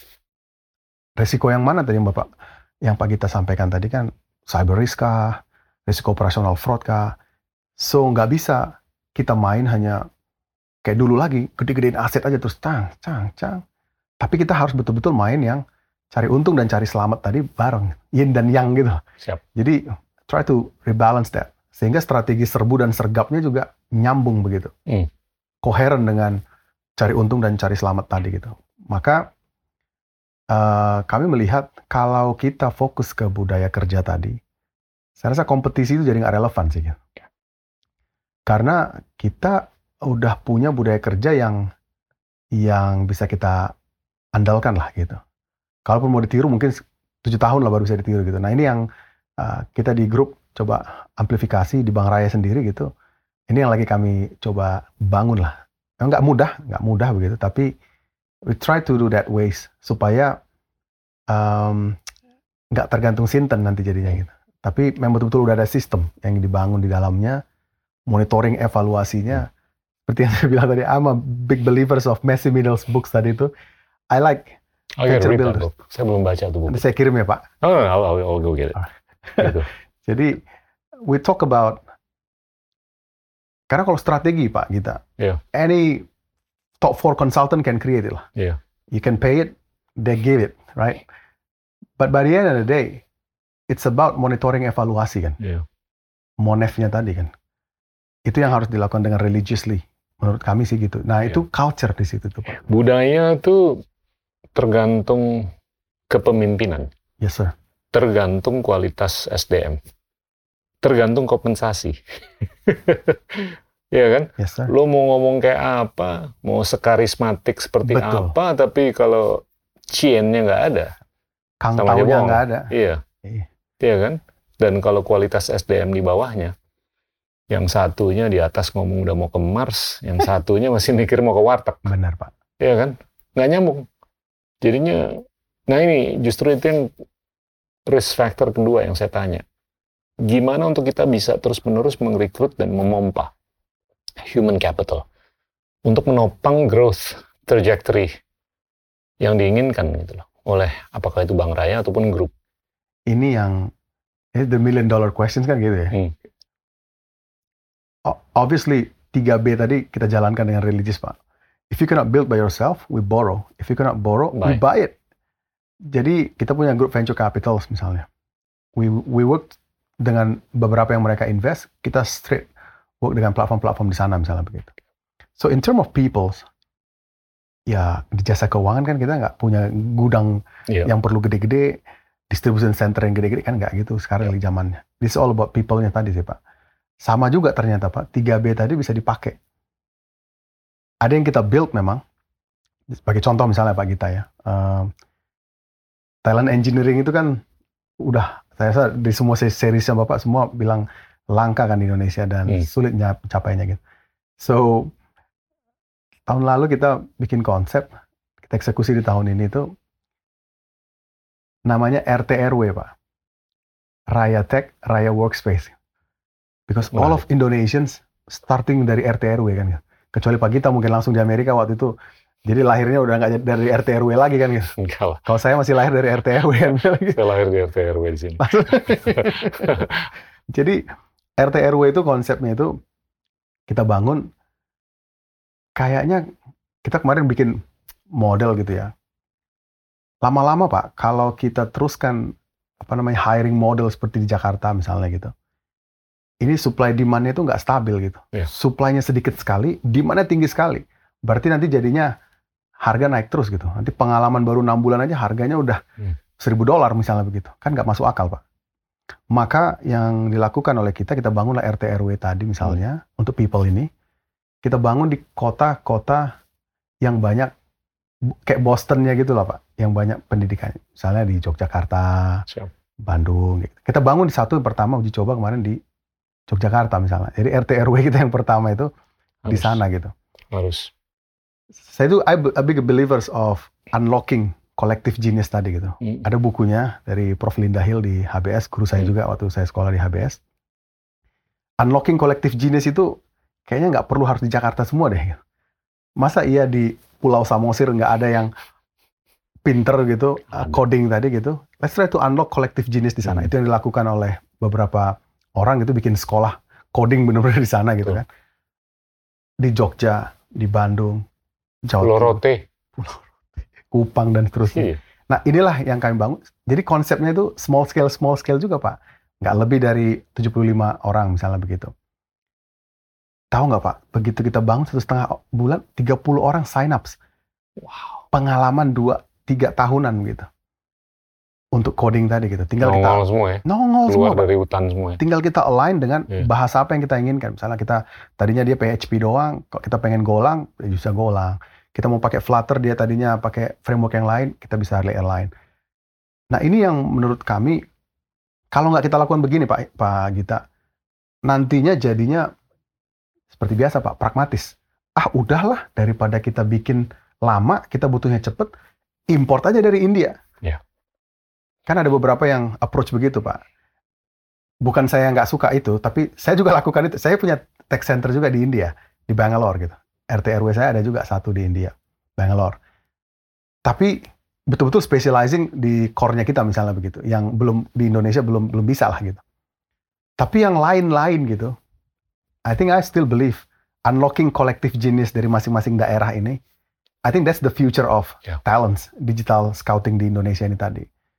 Um, dengan begitu nanti antara konsep kampus merdeka tadi dengan RT RW RT RW tadi itu bisa Menarik. diaplikasikan langsung di situ pak. Menarik. Sehingga gini, kalau semua harus pindah ke Jakarta, gajinya dia misalnya 10 juta, tadi udah habis untuk transportasi, gajinya habis untuk akomodasi, habis makanannya, habis macam-macam beli kopi aja di sini udah luar biasa. Tapi kalau dia di misalnya tadi di kota-kota daerah-daerah tadi, itu dia bisa ngirim naik haji orang tuanya pak. Karena dia masih tinggal di rumah kan pak. Motornya juga masih motor biaya orang tuanya. Jadi duitnya itu bisa ngirim naik haji orang tua gitu. jadi jadi semakin banyak orang naik haji jadi nanti masa Benar. depan mudah-mudahan. Amin. Nah ini yang ini yang saya lihat uh, kami lihat di grup uh, peluang-peluang kita sebagai apa ya uh, perusahaan-perusahaan yang harus memberi makna ke Indonesia ini gitu nggak mungkin kan kita apa namanya uh, import dari Vietnam gitu karena GDP per kapita dia seribu misalnya gitu. That's what we did in Germany waktu saya information manager di Jerman. Saya pakai offshoring ke Vietnam pak karena seribu pak Indonesia saat itu udah empat ribu Iya. seribu pak dan bisa bahasa Jerman pula kan gitu Iya. Banyak nih yang bisa bahasa Jerman jadi apa namanya eh, kita ambil dari sana gitu nah pas saya kita ke sini lihat kayaknya nggak kalah kok Iya. apa banyak sekarang sekolah-sekolah nggak usah yang yang aneh-aneh gitu. Selama dia bisa basic coding tadi Iya. kemudian kita amplifikasi dengan kayak sekolah-sekolah digital sekarang banyak sekali yang ngajarin coding ada mentorshipnya yang dibangun. Kemarin bapak undang juga beberapa bicaranya. We try to work together with them Iya. kolaborasi. Ini yang saya sebut tadi sebagai low tech, yes sir. Ya kan? Low tech tuh lebih gampang di scale, ya kan? Syukur-syukur dalam 5-10 tahun ke depan kita bisa menuju ke high tech, betul ya kan? Deep tech, mulainya kan dari low tech dulu pak. Oh, Sama kayak 30 tahun lalu orang India, betul. they, they start with Betul. basic coding pak. Mungkin hanya loginnya doang yang dia kerjakan. Betul. Tapi pada saat yang Nyambung. bulenya sudah pensiun, naik di rantai Yang nilai. penting sejahtera dulu dengan low tech Benar pak. sebelum kita ke high tech atau deep tech. Naik di rantai Iya kan? nilai. Saya mau tanya mengenai artificial intelligence antara Tiongkok dengan Amerika Serikat. Mana yang menurut Anda tuh dalam beberapa dekade ke depan yang bakal unggul dalam pemberdayaan kecerdasan artifisial? Kalau secara kuantitatif, Ya. sudah pasti Cina pak. Siap. Kenapa? Karena dari sisi populasi aja kan gitu. Data poinnya dia Lebih banyak. lebih banyak. Nggak usah dia mengharapkan dari foreign country aja. Oke. Dia udah punya data set yang luar biasa besar begitu. Dia mau main visions gitu, computer visions yang bisa ngecek ini kamera atau ini orang kan gitu. Computer visions dari yang apa namanya teks gitu, bisa bikin novel sekarang kecerdasan artifisial tadi begitu, sampai ke yang financials Ya. dan entertainment lagi. Kan empat ini biasanya yang dipakai.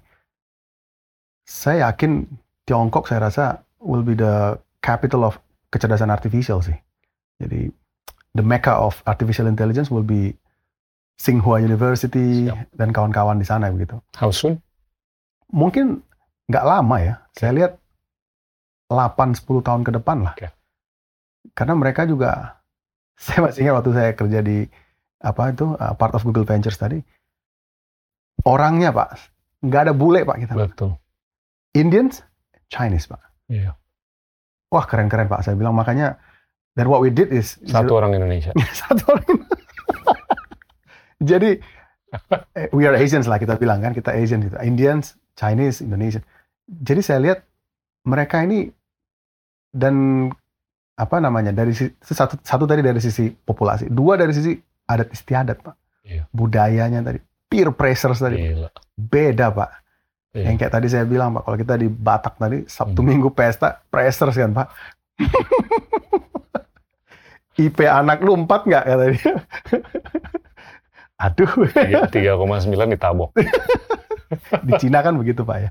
Saya dengar gitu. Pak.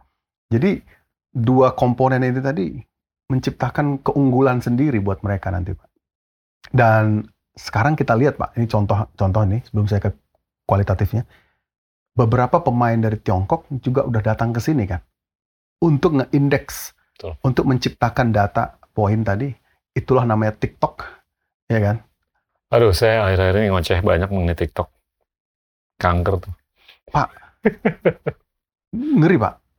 Dalam 15 tahun Facebook itu bisa ngakuisisi dua setengah miliar customer pak. WhatsApp dalam 10 tahun bisa satu setengah miliar customer. Em, TikTok kurang dari dua tahun 1,1 miliar customer pak. Saya sih oke-oke aja kalau platform ini dipakai untuk narasi yang bijaksana. ya. Setuju pak. Dan ini nggak dieditorialisasi. Facebook juga. Instagram juga. Konten yang bagus tuh banyak. Yes. Tapi yang nggak bagus jauh lebih banyak. Itu yang saya khawatir mengenai anak saya. Paretonya Gimana banyak. Iya kan? Dan mereka, anak-anak kita tuh megang HP 9-10 jam. Aduh. Nggak, nggak, nggak bisa kita kontrol. Paling 15-30 menit waktu sarapan sama kita. Bermutu kan percakapan. Benar. Paling setengah jam sampai satu jam makan malam sama kita. Di luar itu selesai. I have no idea apa yang mereka lihat. Ya kalau mereka dengerin talk show dengan Kaspar sih oke-oke aja. Tapi kalau mereka ngeliat yang boten-boten, itu kan yang saya nggak tahu tuh gimana nih. Jadi kita udah bisa ekstrapolasi generationally ke depan. Ini makin begini loh. Itu tadi lah. Untuk social equity-nya ya. Ya. Untuk social equality, untuk social apa pun lah. Jadi Social and societal value proposition itu nggak nggak. Saya belum lihat ini bakal positif. klop banget pula itu dengan apa ya saya bilangnya social capitalnya orang Indonesia gitu. Memang suka suka kumpul-kumpul, suka apa namanya ya uh, chatting dengan sukanya yang begitu-begitu. Jadi Chatting satu sama lain. Tapi dia, mereka tuh nggak mau komunikasi sama predecessor kita Hmm. yang udah mati ini kan 107 miliar. Ya, ya, ya. Itu kalau komunikasi dengan mereka, itu namanya sejarah. Sejarah. Kita perlu lebih banyak belajar mengenai sejarah.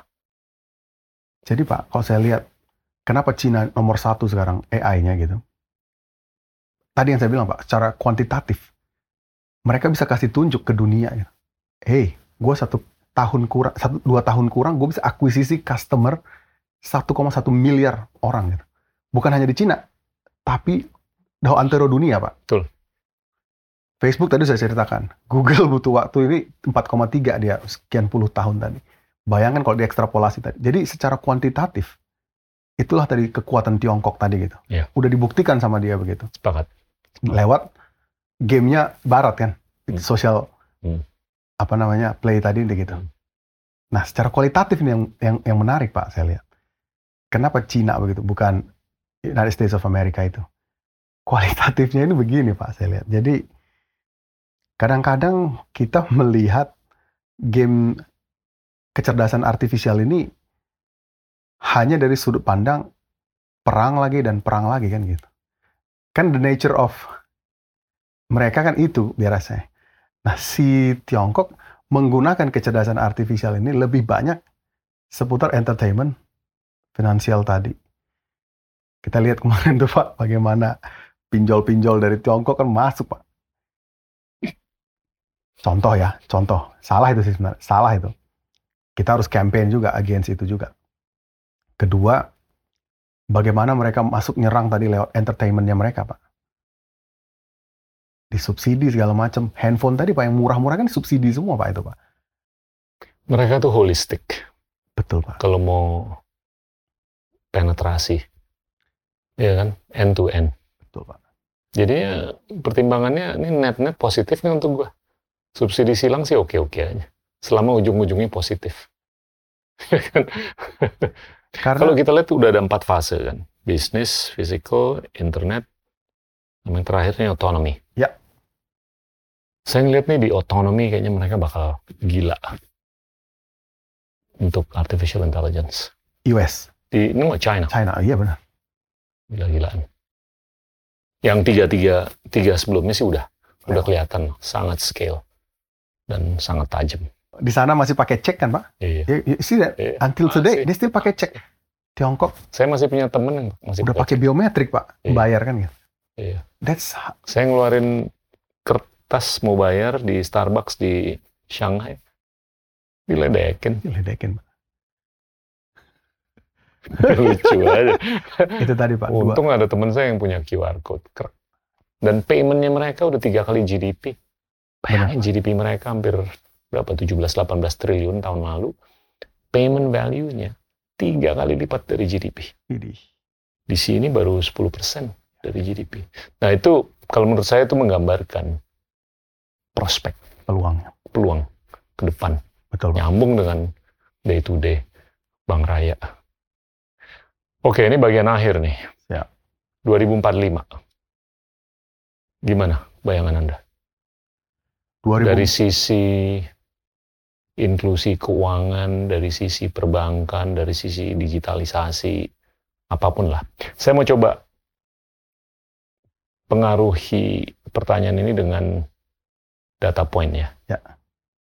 500 tahun yang lalu, GDP yang terendah di dunia, GDP per kapita, Ya. itu cuman 50% dari yang paling tinggi.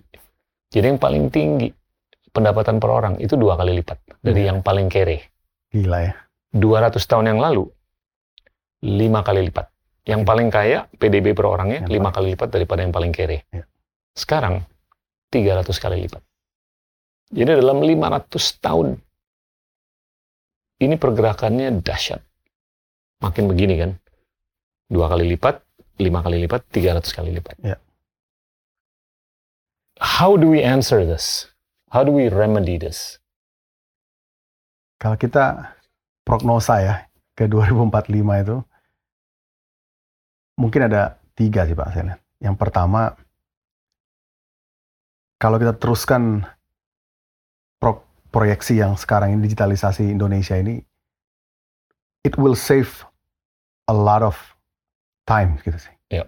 Dan a lot of productivity gitu.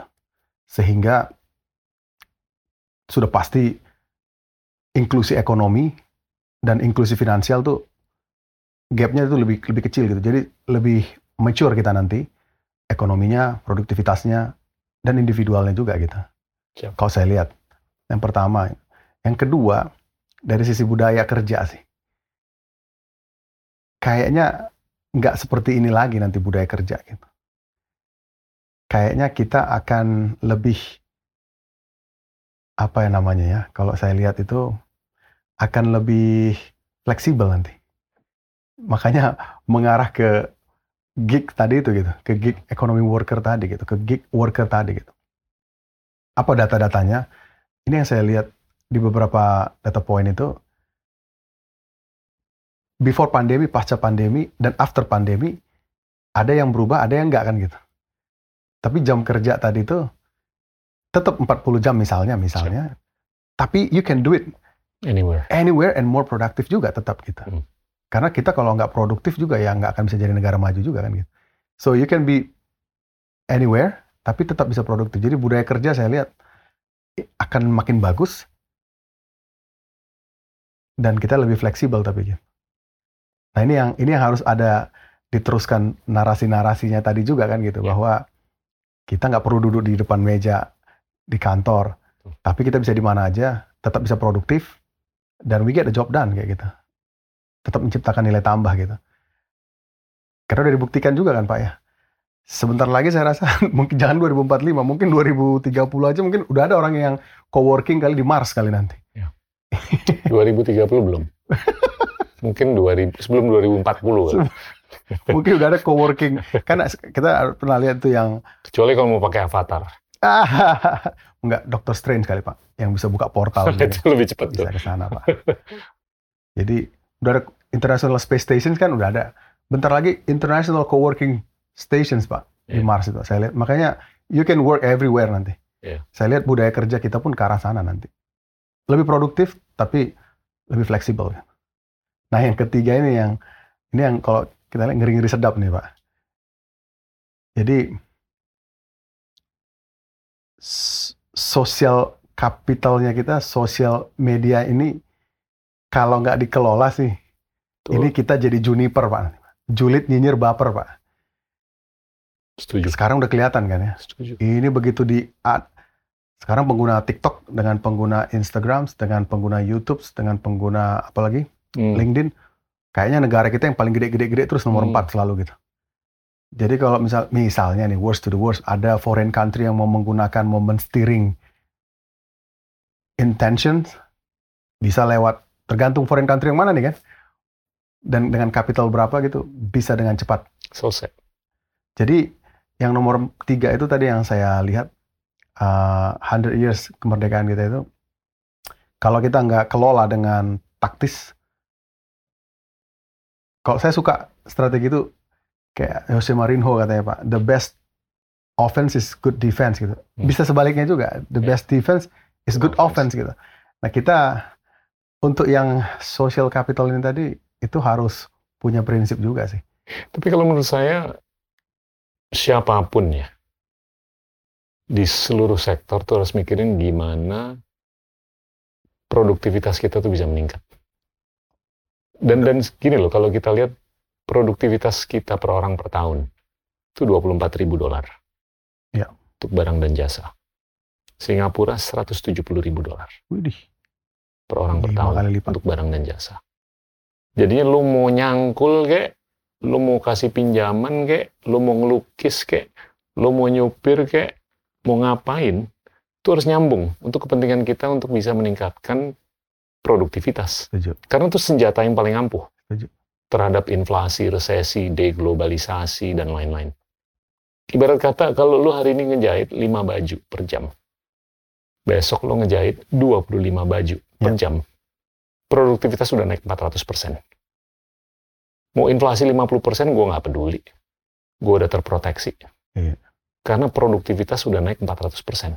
Apalagi kalau jahitannya makin bagus yes ada yang beli, Benar. ada yang nelen. Nah itu gimana tuh? Kalau menurut saya 2045 oke okay, kita jangan bangga bahwa GDP kita nomor 4 terbesar di dunia aja. Tapi daya beli kita itu juga itu yang penting. Keren. Ya. Produktivitas kita juga keren. Tujuh. I think you're gonna play a very big part. Karena Anda tuh yang memberdayakan duit. Kasbon. Dan duit, ya kasbon. dan kasbon ini kan nyambung dengan aspirasi orang untuk lebih produktif dan lebih berproduksi. Yes, sir. Iya kan? Benar. Jangan meningkatkan produksi aja, tapi produktivitasnya harus ditingkatkan. Nah itu kalau menurut saya, kalau bisa diukur, you have a real case untuk bisa disebarluaskan. Multisektor. Benar. Ya kan? Eh, gue udah proven nih gue udah nempel di ekosistem ABC, anggota-anggota di sektor, eh, ekosistem ABC ini udah naik produktivitasnya. Benar. 400 persen. Dalam waktu 12 bulan, dalam waktu 5 bulan, 18 bulan atau apa. Selesai. Setuju, Pak. Jiplak ke sektor D, E, F, G. ya kan? ATM, Pak. Nah, itu cakep. Apalagi sektor form, pekerja formal tadi udah banyak bank di sana. Sektor informal juga sudah ada kita bantu. You, you know you're starting from the worst sector. Yes sir. Everything else is upside, man. Sorry ya. it's not it's not supposed to be a put down, it's a compliment. Thank you. Iya kan? Benar. Anda udah mulai di informal. Ya. Formalnya lebih gampang. Tuh. Keren. Itu tesisnya kita sih Pak Gita. Iya kalau kita bisa bantu pekerja informal ini, wah Indonesia sih gila. Kurasa kayak Korea Selatan, Pak. Terbang. Iya. Pemusik pengen dapat dana talangan atau kasbon. Dia dapat dana talangan, dia bisa dibantu dengan slip gaji, dia dibantu dengan NPWP. Iya, iya. Everybody happy. Iya. Besok dia bisa beli saxophone yang baru. Siap. Gig minggu depan lebih keren. Ada pesan-pesan akhir, Kaspar? I think Um, Gak ngira nih ngobrolnya lama banget. Aduh, saya terima kasih banyak Pak Gita. Ini banyak sekali membuka nuansa berpikir saya juga nih dari ngobrol dengan Pak Gita.